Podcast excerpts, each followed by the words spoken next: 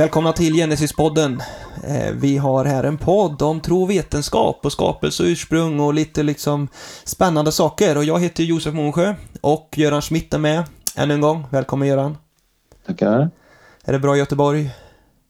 Det är bra, lite snö eh, för en gångs skull. När vi spelar in i alla fall. Vi när vi spelar in det, precis. Det är väl eh, annat kanske statistiskt sett när vi spelar upp det. Det får vi se.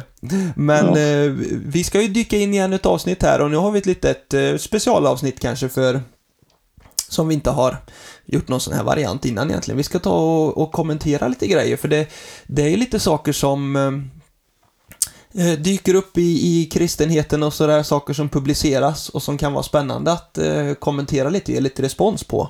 Eh, och detta är i december så var Stefan Gustafsson med och gjorde ett eh, avsnitt där han talar lite lätt om, eh, om skapelsen och då var det lite skapelseevolution och sånt som dök upp och där vill vi verkligen poängtera att vi, vi tycker det är spännande med konstruktiv eh, diskussion liksom. Du var ju med och skrev en bok ihop med Apologia där Stefan eh, jobbar och sådär så att jag tänker ändå att det finns en Ja, då. Ja. Sen, man kan väl säga, man kan säga också att det här är en, eh, det här är en eh, serie som finns på eh, en, en kristen tv-kanal som heter TBN Nordic.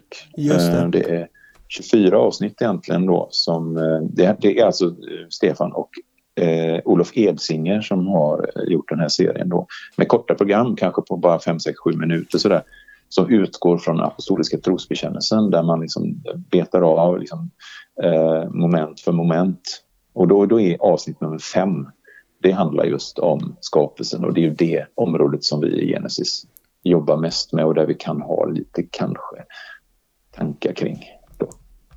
Precis, och, och vi tänkte vi skulle gå igenom några olika citat som han säger där och det är ju ett kort avsnitt av Stefan också liksom men, men det finns ändå en del ställningstaganden som vi tycker är spännande att, eh, att lyfta och eh, ja, säga lite kring. Ja, och det här är ju utifrån, det här är utifrån alltså, en teologiska aspekter, bibelfrågor och sånt där. Så att jag menar om man lyssnar och inte, jag menar, och inte är bekant med eh, Bibeln och kristna saker så kan man ju tycka det här kanske känns lite, lite konstigt. Så, att- men, men eh, vi gör det ju det här utifrån vårt förtroende för Bibeln som Guds ord. Det är liksom det som eh, och, och, och, det är ju någonting som, som präglar Stefan Gustafsson och Olof Edsinger och oss alla. Liksom, va? Det är bara det att ja, men ibland skiljer sig våra eh, tankar och eh, vår syn åt. Eh, och det är viktigt att den diskussionen kan hållas levande då. Så. Ja. Precis, och vi hoppas ju och tror verkligen att vi inte citerar dåligt här heller utan att vi har förstått vad Stefan eh, säger. Men vi dyker väl in i detta Göran, om du är redo? Ja, det gör, kan, det gör vi. Eh, och då säger eh, Stefan så här att eh, man ska noga lägga märke till att det i Nya Testamentet alltid bara säger att, att Gud har skapat världen. Aldrig något om hur eller när han gjorde det. Eh, och det är ju ett eh, ställningstagande där. Vad ger du för respons på det? Eh, ja, alltså jag tycker att det står eh, faktiskt hur Gud skapade eh, på ett sätt. Eh, därför, eller rättare sagt tillräckligt tydligt tycker jag att det framgår om man läser Hebreerbrevet 11 och 3 där det står eh, tydligt och klart att Gud skapade världen, alltså den blev till genom ett ord från Gud, står det. Och, eh, och det kan vi då förstå, står det i texten, genom tron. Alltså genom tron så förstår vi att världen blev till genom ett ord från Gud. Så, så det är själva, det är det Bibeln säger att det är själva ja, men den metod som Gud använde. Han talade och det blev. Det är därför också som Jesus i Johannesprologen, alltså första kapitlet i Johannesevangeliet, där, där står det så tydligt liksom att, att ordet är Kristus och ordet, genom ordet blev världen till. Eh, så att, så att det, är- sen, sen kan man ju tillägga där att jag menar, ett talat ord och världen blir till. Det, det, det, det är ju knappast beroende av några årmiljarder egentligen så. Men, men, men och, samt, och, samtidigt så, och det kanske inte du håller med mig, det vet jag inte, men det är ju inte, liksom Nya Testamentet uttalar sig ändå inte så mycket liksom om hur världen Nej, till. Men, det inte. men sen är det väl också så här, och vi kanske återkommer till det, men att, att inte Jesus eller apostlarna uttalar sig så mycket om någonting, det är ju egentligen inte ett argument för att de inte har en tydlig åsikt i det hela, utan det kan ju vara så också bara att det var fullständigt självklart för dem, så de kände inte någon anledning att tala om det. Nej, jag tror att det var på det sättet. De, eh, Nya Testamentets författare förutsätter att de som de skriver till är väl insatta i de grundläggande skrifterna, alltså det vill säga Moseböckerna och de profetiska skrifterna. Det är på något sätt eh, en, en själva grundvalen för den kristna tron. Så, att, eh, så att det är det man refererar till. Sen frågan om när Gud skapade då. Det tycker jag eh, inte, det, det, framgår inte alltså på något sätt så här att det var den, det och det året som, som den och den dagen och den timman och så vidare. Nej, men, men det däremot så står det att om man tittar till exempel i Lukas 3 så, så är, har vi Jesus släkttavla där. Alltså där, där liksom han börjar med Jesus och sen så, ja, hans pappa heter Josef och, och, och så vidare. Och så går det då tillbaka i tiden och så slutar den där uppräkningen där med att ja, det var då Seth och han var son till Adam och Adam var son till Gud. Så, så, så, att, så att där eh, målaras, alltså, eller beskriver då eh, författaren helt enkelt hur, alltså Lukas då, han, han, han, har noga efterforskat allt som han själv säger i början då. Och, och det här är då eh, den här släkttavlan. Man menar att han var då... Eh, att där finns en, en släktlinje eh, som, som kopplar Jesus direkt fysiskt med eh, Adam då, som, sen, som då skapades av Gud. Då. Och sen, sen kopplar man ihop det med vad Jesus sa i Matteus 19 och, och vers 4 där. Alltså, då säger Jesus så här, har ni inte läst att skaparen från början gjorde dem till man och kvinna, säger, säger då Jesus. Det vill säga, har ni inte läst det här? Har ni missat det? Eh, att, att, att människan fanns med från allra första början. Så att, eh, som sagt var, det det. Och de här, de här alltså, motsvarigheterna, det finns ju inga tal med i den här eh, sekvensen av Eh, personer ner till Adam. Men, men det hade ju varit överflödigt på något sätt att ha med det därför att de angivelserna finns ju i, i det gamla testamentet, alltså i första Mosebok kapitel 5 till exempel och ytterligare något kapitel där och sen andra krönikeböckerna. Så där finns ju den där kompletta, alltså att han var si och så gammal när han födde den och den och han var si och så gammal när han födde sin son. Och, så, så där finns ju alltså de här tidsangivelserna då. Så att eh, så därför så säger jag att ja men indirekt så tycker jag definitivt att Nya Testamentets författare bekräftar den gammaltestamentliga eh, ungefärliga dateringen av när skapelsen faktiskt skedde. Då. Jag tycker det är lite besvärande faktiskt. All respekt till Stefan, han gör allting jättemycket bra på många sätt. Men, men just det här, där tycker jag att han på något sätt lite grann nedvärderar eller misstror eh, Gamla testamentet då. Eh, till förmån för Nya testamentet, att det liksom är, liksom är, är mer trovärdigt i så fall. För, för att eh, Jesus han, han, betonade det många gånger, liksom, att, att det står skrivet. Det står skrivet. Ni vet väl att det står skrivet. Och så här, va? Och Paulus han säger samma sak inför konung Agrippa så säger han, det står i Apostlagärningarna 24, vers 14 så säger han jag tjänar mina fäders Gud på det sättet att jag tror på allt som är skrivet i lagen och hos profeterna. Det vill säga Gamla Testamentet. Eh, det, för Paulus var det en gudstjänst att frimodigt stå för det. Jag tror på det som är skrivet, jag tror att det är sant. Att, att, så, så, att, så att det där tycker jag att eh, det är lite för vagt att säga att det inte står så mycket i det Nya Testamentet. Precis. Inte så detaljerat. Och man, och man kanske ska tillägga att det är klart att det kan ju vara en avvägning av Stefan att han säger att, att det står inte någonting i Nya Testamentet om det. Eh, Men däremot så gör det i Gamla Testamentet och därför så säger man så, det vet vi inte, men det är klart att eh, går man till GT då liksom så finns det jättemycket och GT är ju verkligen, Gamla Testamentet är ju en, som du säger, en grund för oss kristna liksom, så varför skulle inte det räknas som står där? Nej, jag, men jag tycker att Stefan, jag tycker det lite synd att han, att han säger så här, man ska noga lägga märke till att det är det Nya Testamentet alltid bara sägs att. Som om det är något som är väldigt viktigt och avgörande. Att det Nya Testamentet inte är så tydligt på den här, i den här frågan. Jag, jag, så eh, tycker jag då. Ja, mm. Det är min vi egen kan, uppfattning. Vi kan återkomma mm. till saker också, men eh, vi tar ja. nästa citat här då. att eh, mm. Viktigt att vi som kristna lär oss att göra distinktionen mellan vad som är direkt avgörande frågor för den kristna tron och eh, att Gud är skapare av allt som finns och öppna frågor som hur Gud om hur, hur och när Gud skapa, eh, skapade som inte ges några slutgiltiga svar i kristen tro. Nu var det lite slarvigt där med mig, men, men du får ändå eh, responda på detta. Ja. Eh, att, jag tycker så att, att Stefan liksom betonar det här, att det är viktigt för oss som kristna att skilja mellan de här sakerna. Det eh, bygger underförstått på eh, en tanke som är det att det finns kristna som till exempel vi då som, som, som tycker annorlunda i, i den här frågan. Ingen, ingen, jag tror inte det går att hitta någon skapelsetroende, vare sig i Sverige eller i något annat land som hävdar att att det här med hur lång tid skapelsen tog eller när den skedde, att det är en frälsningsavgörande fråga.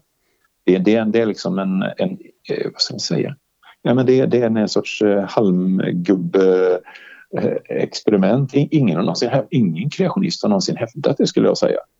Utan, så att jag tror att eh, det här istället mm, bygger på att vi som skapelsetroende många gånger är väldigt... Eh, eh, men, alltså vi uttrycker allvaret i att, eh, att, att, att på något sätt nedvärdera det gamla testamentets eh, trovärdighet. Eh, så att när vi, när vi går in i de här frågorna eh, så gör vi det ofta med, med, liksom en, en, eh, ja, med, en, med en kraft och en, en liksom, eh, retorik beroende på att vi tror att det här får konsekvenser när, när man gör. Och jag tror att det misstolkas som att ja, vi då skulle tycka att det är så viktigt så det är frälsningsgörande. Men hör man vad vi säger så, så är det inte så. Och, och, men, men å andra sidan, varför? Varför skulle det vara så att vi varför är det så att vi kristna bara bör diskutera sånt som är direkt frälsningsavgörande? Eh, har det någonsin varit på det sättet? Eh, skulle det vara önskvärt om det vore på det sättet?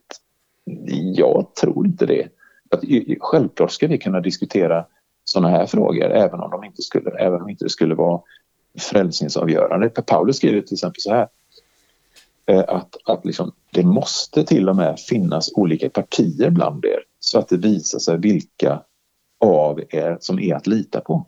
Eh, det står det i första Korinthierbrevet 10. Eh, det vill säga Paulus såg att det på den första kristna tiden fanns frågor som man diskuterade, man hade olika uppfattning om. Och han menar på att ja, men det, det måste vara så. Att det finns något sunt i att det finns en diskussion, att man har olika, att man bryter uppfattningar mot varandra. Däremot så är han ju väldigt tydlig med att, att det finns frågor där vi bör verkligen vara ett, där det inte bör finnas några menings skiljaktigheter bland de som tror, alltså när det gäller exempel, en, en ande, en herre, en tro, ett dop, en gud som är allas far, som det står då i, någonstans, jag vet inte exakt, men eh, så att, så att eh, det finns frågor som, är, som, precis som Stefan säger, som är centrala. Där bör vi vara överens. Men det finns andra frågor som är värda att diskutera. Sen ska man inte, sen är Paulus också tydlig med att man ska inte ge sig in i släkthistorien. det står någonstans där, man ska inte, Titus brev står det, kapitel 3, vers 9, att man ska inte ge sig in och ödsla tid på att diskutera detaljer i släktregister för det finns mycket annat viktigare som man bör ägna sin tid åt istället. Sen tycker jag det är jätteintressant med de här släkthistorierna, men en annan femma. Men, eh, men, men så att ja, eh, jag tycker att det är eh, onödigt att påpeka det att mm, mm, exempel vi då som Genesis, att vi, att vi skulle göra gällande att det här är en så viktig fråga så att allting hänger på den. Men det menar vi ju inte såklart. Precis. Vi, vi tar nästa citat och det kan ju vara saker som dyker upp igen, men får se om jag läste bättre här nu då. Men alla teorier måste vara öppna för en kritisk diskussion och för en jämförelse med alternativa förklaringsmodeller. Och det gäller också teorier om livets historia på planeten jorden. Ja, men det är ju jättebra sagt. det, det kan man ju bara hålla med om. Eh, där ska Stefan ha en eloge för att, för att det, det, tycker jag, ja men det, det, tycker, det tycker vi också så va. Eh, och, och det, kan, det kan låta jättesjälvklart det här alltså för en, en, en lyssnare som inte är kanske sådär jätteinsatt då och borde, det borde vara självklart det som Stefan säger här. Men jag tror inte att Stefan är riktigt medveten om att när han formulerar det på det här sättet att alla teorier måste vara öppna för en kritisk diskussion och få jämföras med alternativa modeller. Därför att, eh, som nu livets historia på jorden.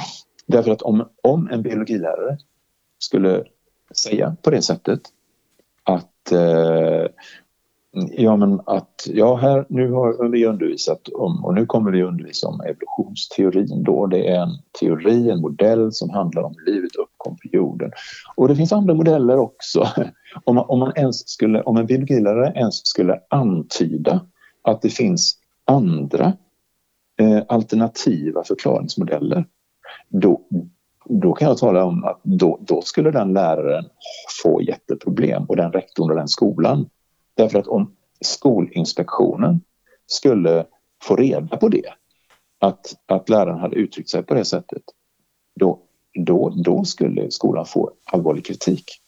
Och jag, jag har ett exempel eh, levande verkligen från, från en skola i Sverige just nu som befinner sig i exakt den, den här situationen. Skolverket och även skol, eh, Skolinspektionen och även Skolverket har markerat väldigt, väldigt tydligt att just när det gäller frågan om livets ursprung, då finns det inga alternativa förklaringsmodeller.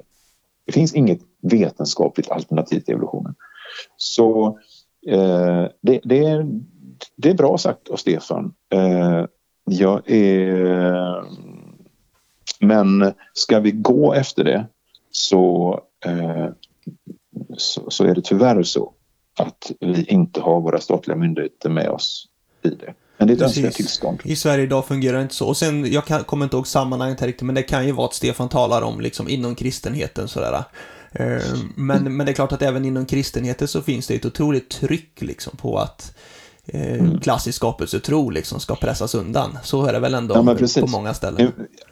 I, i, och i kristna sammanhang borde detta verkligen vara borde detta verkligen vara totalt självklart kan jag tycka. Men, men jag såg eh, det är så att jag och tre andra eh, personer har ju varit med och skrivit en bok nu där vi har olika perspektiv på skapelseberättelsen då. Eh, och syn på skapelsen generellt och, och, den här boken som finns ute nu då som heter Fyra kristna diskuterar skapelse och evolution Apologia förlag efter reklam. Ja, men, men jo, det har vi gjort. Och, och så, så var jag inne och kollade på, jag kollade på Facebook väldigt sällan, men jag gick in och kollade lite snabbt. Eh, därför att jag såg bokens titel flimra till och det var då eh, redaktören eh, Mats Elander som hade bara pålyst att nu kommer den här boken. Och då var det en person som direkt hade gått in och kommenterat det och sagt så här att ja men varför är då alltså ungjordskreationister, det vill säga alltså sådana som Genesis då, varför är vi med och ger vår, varför ska vi vara med och ge vår syn i den här boken? Det minskar väl bokens trovärdighet, skrev den här personen. Eh, sen gick jag in och kollade vem den här personen var och det visade sig att det, det var alltså en person som är, är verksam vid ett, eh, en teologisk institution på ett universitet i, i Sverige då. Så att, så att det här är bland i kristna, bland troende, så är det faktiskt så att det är inte självklart att diskutera det här. Eh, vi i Föreningen Genesis, blir, blir, alltså, det finns många kyrkor i vår, vårt samhälle där vi inte skulle få komma och ens presentera vårt case. Liksom. Så är verkligheten. Tyvärr. Precis, Den så, så den här personen skrev ju alltså att varför ska de liksom, varför ska de skapelsetroende ungjordskreationisterna, varför ska de få vara med och skriva i den här boken? Ja, varför ska man Just med det. så vara med i diskussionen? Ja. Vi får köra på lite här så vi kommer igenom Ja, lite olika citat då. Här hade vi någonting där det står att eh, när det gäller evolutionsteorin bör man notera att det inte finns någon principiell motsägelse mellan att Gud skapar och att han gör det genom en långsam och gradvis utveckling. Vi var ju vi var ju var och en ett resultat av just en långsam och gradvis utveckling i vår moders liv. Och vi är ju skapade av Gud. Ja. Vad ska man säga om det? Vad, tror, vad tycker du? Alltså, jag tycker ju själv att det är en ganska bristfällig eh, bild liksom. Det känns ju det ganska, känns ganska orelevant liksom att, att eh, göra den kopplingen. Alltså det, ja, jag skulle säga att det är ett pseudoargument helt och hållet. Därför, alltså, därför att, att, att jämföra ett embryos utveckling med evolutionen, det, det har ingenting med vetenskap att göra. Alltså det är ett halvsekel sedan ens evolutionsbiologer hävdar något liknande.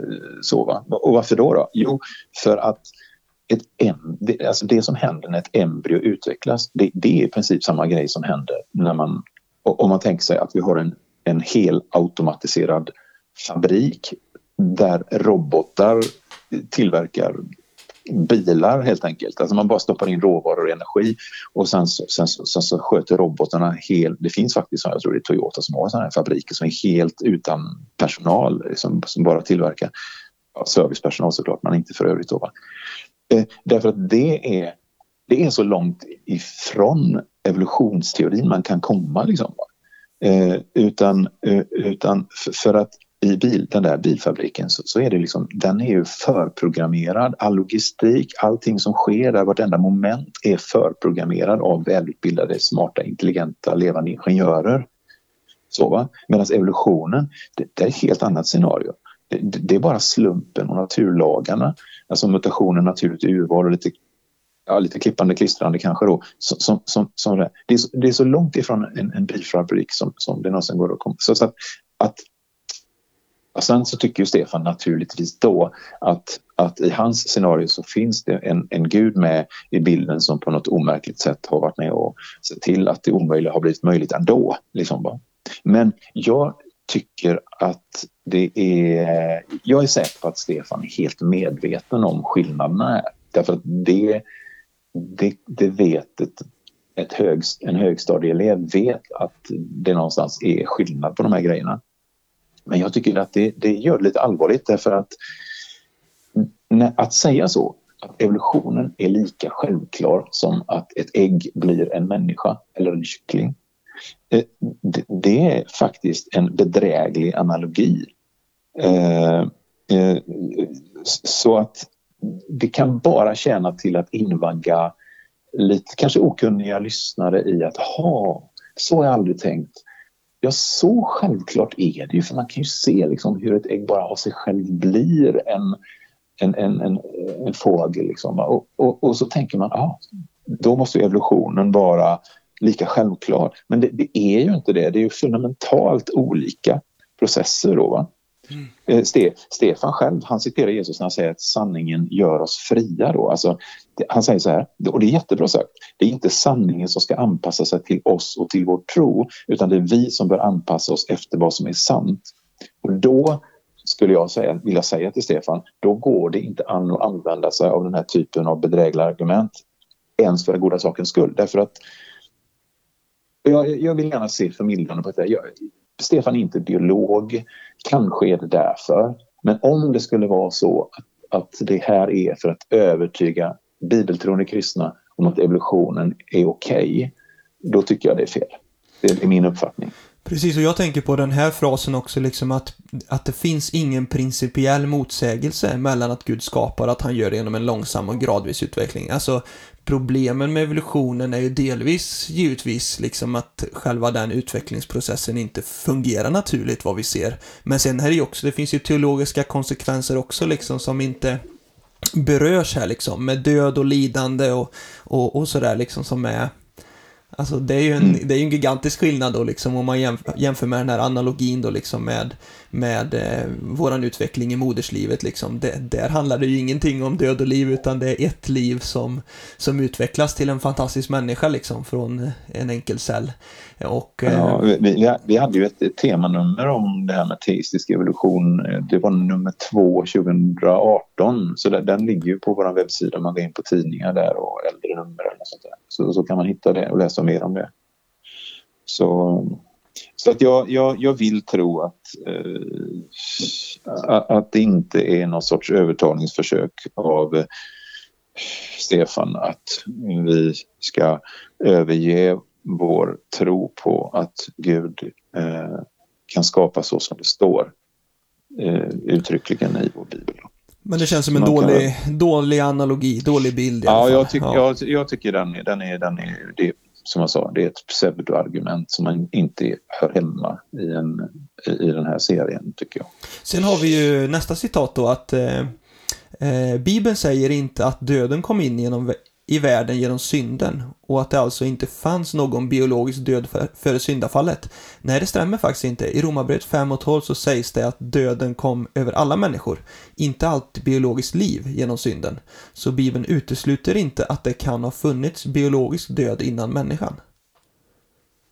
Mm. Nej, alltså de, de, läser man det avsnittet där så, så är fokus på människan. Det är ju ingen tvekan om det.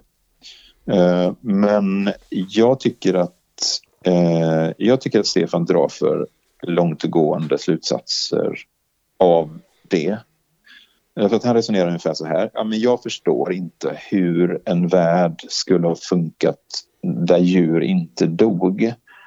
Och så drar han slutsatsen, alltså dog djur före syndafloden. Alltså, bara för att han inte Syndafallet, förstår... va? Menar du? Syndafloden, ja, syndafallet, förlåt. Det, alltså det, där, det där är liksom någonting som brukar kallas för argumentum ad ignorantium, alltså, alltså argument till okunnigheten, det vill säga bara för att jag inte fattar så kan det inte vara så. Eh, det kanske var en helt annan värld, verkligen. Så grundläggande annorlunda rent ekologiskt att vi inte kan riktigt omfatta det nu då. Eh, men, men jag tycker han gör ett annat argumentationsfel också då, eh, därför att han säger så här Äh, så här resonerar han liksom att ja, det står inte uttryckligen att djur började dö i samband med syndafallet. Eh, därför dog djur även före syndafallet. Alltså, mm, men det kan man, den slutsatsen, det vet vi faktiskt inte. Eh, bara för att det inte står uttryckligen så kan, kan det mycket väl ha varit så ändå. Så att, eh, men sen tycker jag att man bör tänka så här, står det verkligen att ingenting om att några andra varelser dog än just människor i Nya Testamentet. Jag tycker att om Stefan hade bläddrat fram några kapitel till det åttonde kapitlet i Romarbrevet så där står det så här. Skapelsen väntar ivrigt på att Guds barn ska uppenbaras. Skapelsen har ju blivit lagd under förgängelsen, alltså död, inte av egen vilja utan genom honom som la den där under, alltså Gud. Ändå finns det hopp om att också skapelsen ska befrias från sitt slaveri under förgängelsen och nå fram till Guds barns härliga frihet. Så här kopplas ju faktiskt eh, ska, hela skapelsen ihop med människan då. Alltså den frihet som människan en dag ska få uppleva när döden inte längre har någon makt över henne. Vilket redan är ett faktum egentligen då men eh, den friheten ska också den övriga skapelsen nå fram till. Och idag är den lagd under förgängelsen. Hela skapelsen är lagd under förgängelsen, under död, under lidande, under eh, rovdjur som äter andra, som det ju inte var från början. Uttryckligen står det ju liksom att alla djur fick de gröna örterna till föda och människan fick alla gröna örter och all trädfrukt. Det är vad Bibeln faktiskt säger. Eh, så att ätandet, de här nä långa näringskedjorna, det är en konsekvens av syndafallet. Det var inte Guds ursprungliga skapelse. Det här är uppenbart näringskedjorna i, på tiden före syndafallet var korta. Det var bara växtätare. Och nu är det annorlunda. Så. Men, men så att jag skulle säga att eh, Stefan faktiskt har fel där. Han säger det att, att, att eh, det inte sägs något, att Bibeln inte utesluter att det fanns biologiskt död innan människan. För det gör, det tycker jag den gör. Både Nya Testamentet och i själva skapelseberättelsen. I och med att vi inte det inte åts animaliskt före syndafallet. Så det är, det är liksom en, en, en, teologisk invändning mot vad Stefan säger i det citatet, tycker jag. Precis, och där känns det ju likadant lite igen att man Ja, givetvis man hinner inte med så många bibelord i ett sånt här kort eh, video, nej, nej. men ändå någonstans att man skippar liksom de gammaltestamentliga texterna här liksom och det som ändå står. Ja, och då kanske man tycker att de här uh, kapitlen i Gamla Testamentet, de är inte historiska, de är inte eh, historiska berättelser utan det är någon annan form av text och sånt där. Men det blir ändå ganska ja. lite absurt att man bara skippar liksom sån text som du sa här, liksom, det står ju uppenbarligen, eller tydligt i skapelseberättelsen att djuren fick liksom eh, vegetarisk mm. föda. Eh, Men det är ju så här, om evolutionen är sann, då har Stefan helt rätt. Jag menar, då är det, eh, eh, då måste det vara, ha varit annorlunda. Eh, men bara då. Då måste döden ha existerat i hela den organismvärlden. Då. I så fall. Utom i människans fall då, för då skulle människan ha varit den enda arten då som inte var utsatt för döden, dödens realitet. Utan fick det, blev det först i syndafallet. Vilket är lite inkonsekvent också kan jag tycka. Då. Men okej. Okay.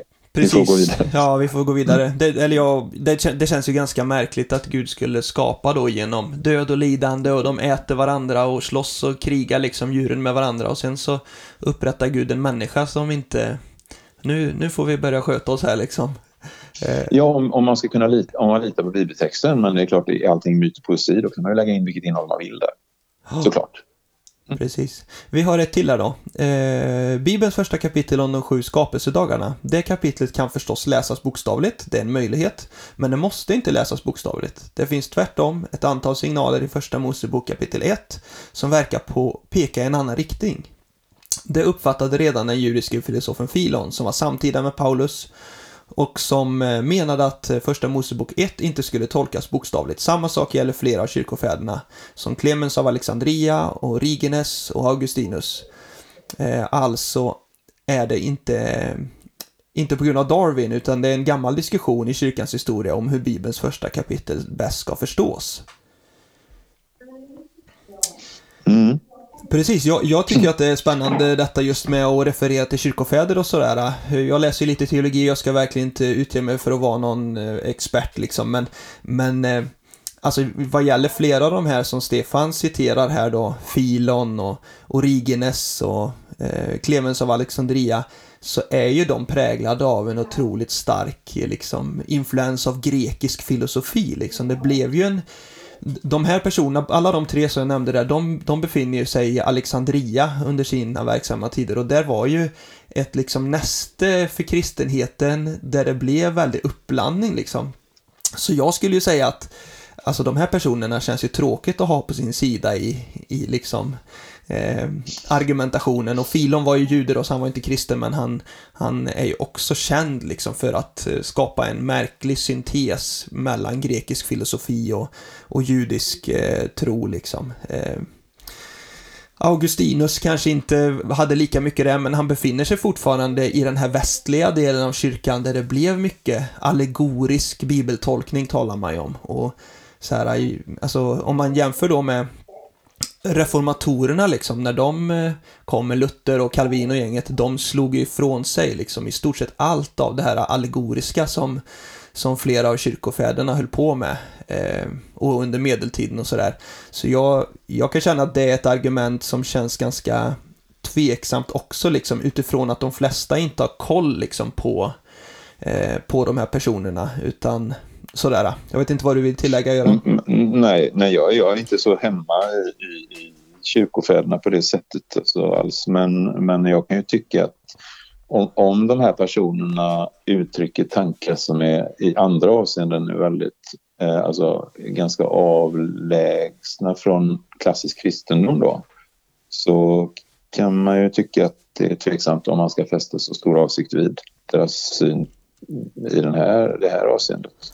Eh, nu kan inte jag tillräckligt för att säga det, men, men om, eh, om de var teologiskt i utkanten av klassisk mm, mm. kristendom. Nej, och sen kan man även tillägga här då, bara för att citera någon annan, alltså det finns ju en, ganska stor organisation i USA som leds av Hugh Ross, heter väl han då ungefär. Man kan gå in på Ja. eh, Ja, hans sida sådär. Eh, Reasons tror jag den heter. Men i alla fall så, han har ju lyft fram det här argumentet då kring att kyrkofäderna liksom skulle, för han är inte, han är inte, tror inte på att jorden är ung sådär, utan han tror på en gammal jord, han är kritisk till evolutionen. Eh, men eh, han eh, pratar om detta att kyrkofäderna liksom skulle stödja en tro på en eh, gammal jord eller att skapelsedagarna representerar långa perioder och sådär.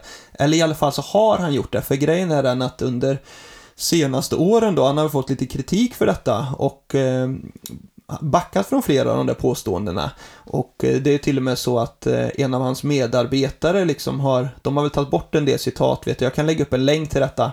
Eh, där man kan läsa det under, ja, i podd, poddinformationen kan jag försöka få till. Men där i alla fall så, så eh, säger en av hans medarbetare så här att eh, ingen tidig kyrkofader eh, lärde någonting om en liksom långa tidsåldrar i skapelseveckan. Eh, utan de trodde allihopa på att jorden var liksom under 10 000 år. Eh, så jag tror att de här, för, för det kan man höra från ganska många detta, det är någonting som florerar liksom, att ja men kyrkofäderna var öppna för väldigt långa tidsåldrar och att skapelseberättelsen var den är inte bokstavlig och sådär men jag tror att det är, inte är så självklart att det är så utan det är någonting som har börjat florera som inte riktigt håller. Jag, jag har hört till och med att man påstår att Augustinus skulle ha liksom, förordat eh, långa tidsperioder men, men det var, om jag fattar rätt så är det precis tvärtom. Han, han, han menade att Gud sa ett ord och allting blev till. Så för honom var det märkligt att, att sega ut på det här till sex dagar. Liksom. Eh, det var lite mer så. Det var, han brottades med frågan från det hållet istället. Precis, vi får, vi får referera till lite mer experter ja. framöver kanske, men det är ju, jag tror men, att Augustinus är, jag tror han skrivit lite olika böcker där han har lite olika varianter ja, det på det hela. Men i alla fall en kyrkofader här som jag vill citera också då, som är eh, Basil av eh, vi ska se var han kommer ifrån nu då. Eh, Kappadokien i alla fall. Men han säger ju så här då att eh, för mig är gräs gräs. Och växter och fiskar och, och djur och sådär.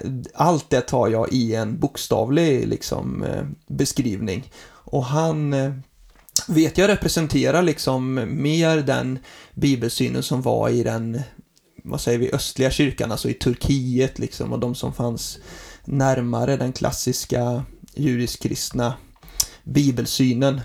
Men eh, ja, vi, vi kanske inte ska grotta så mycket mer i det. Vi kanske har något mer citat, eller vill du säga något mer Göran? Um, nej, men eh, jag tänker väl att eh, Nej, men Stefan säger liksom att, ja men, och det är helt rätt, man kan förstå det här bokstavligt, vilket ju vi gör. Eh, men det måste inte. Nej, men det är också självklart. Uppenbarligen så ses det här på många olika sätt inom, inom kristenheten har gjorts också. Va? Men, men, eh, men jag Alltså, så det är ingenting som tvingar oss att läsa bokstavligt utan det som är anledningen till att vi läser bokstavligt de här, de här att det är sex skapelsedagar och liknande. Det är ju att läser man i, i, i, i andra Mosebok kapitel 20 där så, så, så läser vi ju att uppenbarligen, det finns ingen historisk händelse som Gud uppenbarligen har tyckt var så viktig att betona som som just att Gud faktiskt skapade världen på sex dagar och vilade den sjunde. Det är till och med det, är det enda som Gud själv har ingraverat i sten. För det, det, det ingår i, i de här tio orden som, som, som Gud skrev in i, i sten bokstavligen där för Mose på berget. Så, så att det tycker jag vore ett skäl nog att eh, eller som, som, som Stefan säger, ett, ett, en signal som, som tyder på att det här pekar mot att det verkligen är en, en, en bokstavlig läsning som är, är, är den rätta. Då. Eh, och, och, det är nästan en annan signal som man kan se i Första Mosebok. Jag vet inte riktigt vilka signaler som Stefan pekar, tänker på när han pe som pekar på något annat. För, för, den här signalen tycker jag är jättetydlig. Alltså att det faktum att, att Gud inspirerade Mose att efter varje dag så säger han det blev afton och det blev morgon och det blev afton och det blev morgon efter varje enskild skapelsedag utom den sista då för då var ju skapelsen klar. Liksom. Eh, så, så, så, betonas detta. Det är väl en signal som tydligt, liksom, det är ju precis som om Gud liksom tänker så här att ja, bara för att nu inte det här ska missuppfattas då så, så, så la han till det här efter varje enskild dag. Så, så att jag tycker att när vi snackar om signaler i den här texten så, så tyder alla signalerna på att eh, eh, vi, vi, ska läsa den här texten bokstavligt. Sen så var det jättekul om spännande om Stefan ville utveckla vilka signaler han ser i den här texten som inte tyder på, eh, som tyder på något annat. Då. Och sen, sen, tänker jag också på Göran här, vi, vi börjar få ett långt avsnitt men vi får hoppas att våra lyssnare tycker det är okej. Okay. Men alltså när man talar, nu var ju detta om skapelsen, men generellt liksom i den här äh, diskussionen kring de här svå, frågorna så känns det många gånger som att de här äh, teistiska evolutionisterna liksom som tror att Gud har verkat genom evolution och sådär. Man hoppar ju över väldigt mycket frågan kring eh, Noa och syndafloden. Eh, liksom. Mm. Man, mm. man har väldigt svårt att få ihop det liksom med sin, eh, sitt synsätt, så därför bara man skippar det och så talar man bara om första mm. Mosebok kapitel 1 och 2 typ. Mm, precis.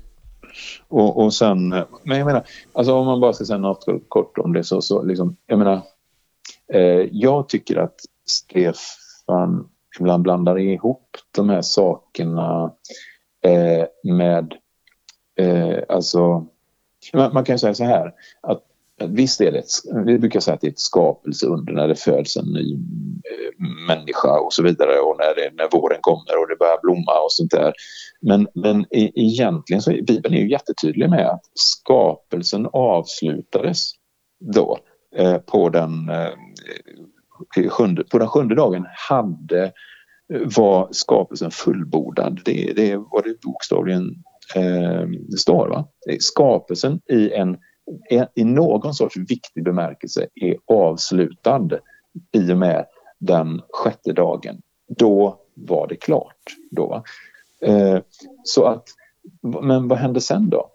Jo, men sen upprätthåller Gud sin skapelse. Alltså läser man första kapitlen i Kolosserbrevet eller Hebreerbrevet så blir det helt uppenbart att, att när Gud har skapat, det som händer sen är att han upprätthåller skapelsen. Så att när det föds ett barn, ja men då upprätthålls den här mekanismen, fortplantningen som Gud skapade ursprungligen och sådär va. Men blandar man ihop Guds skapelse, Guds skaparakt med uh, hans upprätthållande av skapelsen, då kan man hamna i, i, i, i uh, Sen är ju Gud så, såklart helt i sin, det står helt i hans makt att när som helst gripa in i skapelsen och avhjälpa brister och hela han, Jesus förvandlade vatten till vin, han, han, han, han mättade tusentals personer med, med bara några få bröd och sånt där. Så, så självklart är Gud själv eh, mäktig att gripa in. Men, men, men, men han mer jobbar med det som redan finns då. Skapelsen var avslutad dag 27. Så att, eh, ja. Just det.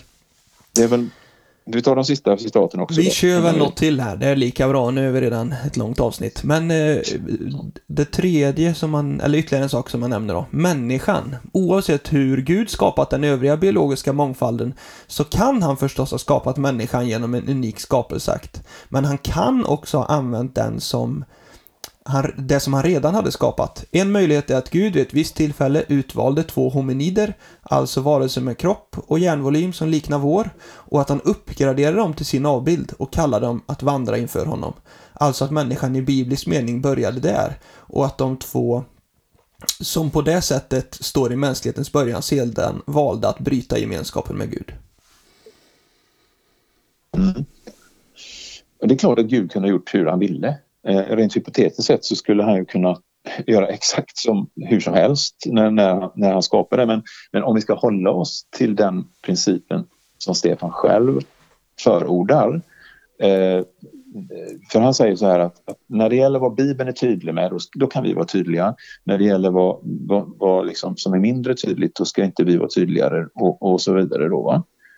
Men jag säger, Bibeln, Bibeln är jättetydlig med att Gud skapade människan genom en unik skapelseakt. Eh, och att Adam och Eva var de, var de eh, första människorna. Bibeln antyder ingenting om att det skulle handla om någon sorts uppgradering av något, eh, något djur eller sådär. Den typen av tankar kommer vare sig från bibeltexten eller från någon kyrkofader eh, utan, utan från Charles Darwin helt enkelt eh, och hans lärjungar. Så att, så att eh, det tycker jag är ett eh, väldigt felaktigt resonemang då. Sen vet ju inte jag hur mycket Stefan har studerat den naturvetenskapliga evidensen för, för människans evolution och sådana saker, eller påstådd evolution. Men jag tror, inte att, jag tror faktiskt inte att han har gjort det särskilt mycket. Därför att i så fall så skulle han ha läst den med kritiska ögon. Eh, och jag eh, kan ju säga att jag tycker att Stefan ska gå och läsa vårt, avs vårt temanummer om människans ursprung. Alltså det var nummer 1.20, alltså förra året, eh, nummer 1.20. Det, det finns på nätet, bara gå in och läsa.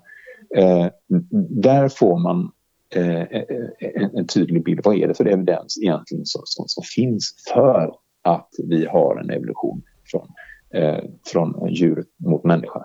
Eh, och, och tar man del av den evidensen så landar man inte i, i ens misstanken att eh, bibeltexten skulle beskriva något sånt, alltså, eh, skulle jag säga.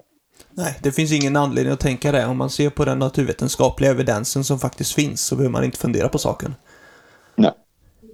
Eh, sista eh, citatet här då. Poängen är att en kristen kan känna sig fri att pröva olika scenarier. Vi kan inte acceptera en naturalistiskt tolkad evolutionslära såklart.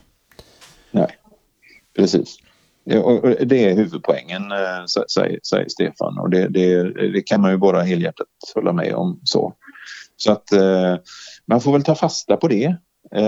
Att känna sig fri och pröva olika scenarier. Jag är lite störd bara av att Stefan med de val han gör av formuleringar här då så, så, så är det mer riktat till, eller alltså, det är mer så här att han uppmuntrar åhörarna att pröva att tänka i evolutionära tankebanor.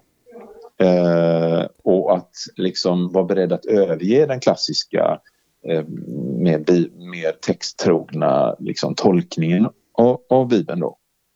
Jag menar att vi behöver göra precis tvärtom i vår tid vi lever i en tid när evolutionsteorin, liksom, det tänket och naturalismen har, har genomsyrat hela vår teologi och liksom hur vi ser på, på, på Bibeln och allting. Eh, jag tycker att vi absolut, vi ska göra som man säger, vi ska pröva olika scenarier men, men jag tycker att vi ska framför allt vara beredda att pröva en, en, en, en texttrogen läsning, en bokstavlig läsning. Eh, och så. Så att, eh, men jag tror att Stefans syfte är lite tvärtom. Att, att, att eh, få bibeltroende, eller ja, alltså text, så säga, bokstavstroende då, om man får använda ett lite negativt laddat ord då, eh, att, att, att överge sin, sin syn till förmån för ett evolutionärt tänk. Eh, jag är rädd för att det är så lite grann, men, men hoppas att jag har fel såklart. Eh, men ja, Eh, vi ska pröva olika scenarier och det bibeltext, alltså med, med bokstavstrogna synsättet. Pröva det om du inte har tänkt eh, på det innan eller tyckt det låter banalt. Pröva att tänka annorlunda. Och med det så tar vi väl avsluta dagens avsnitt då. Ja, det tycker jag. Det blir väldigt långt va? Precis, det blir långt. Men eh, ni får lyssna, man kan ju... Ja, det blir bra. Vi tackar för det Göran. Det är härligt att få mm. spela in och det är roligt. Skicka gärna frågor till podden at genesis.nu, podden med 2D. Eh, om man har synpunkter eller tips eller idéer så är det jätteroligt. Och lyssna gärna på de andra avsnitten också. På, på de är verkligen, eh, verkligen hörvärda. Alltså, så, så att det är inte alls det här att vi är jättenegativa mot eh, TBN Nordics eller alla, de här avsnitten utan det, det är just det här som vi känner att här, här känner vi att det här bör breddas lite. Så. Precis, både Stefan och Olof Edsinger gör ett jättebra jobb liksom ja. i, i dem. Ja, verkligen. verkligen. Det är bra. Med det så avslutar vi för idag. Tack så mycket Göran. Mm, tack själv. Ha det bra med er alla ni som lyssnar. Hej då.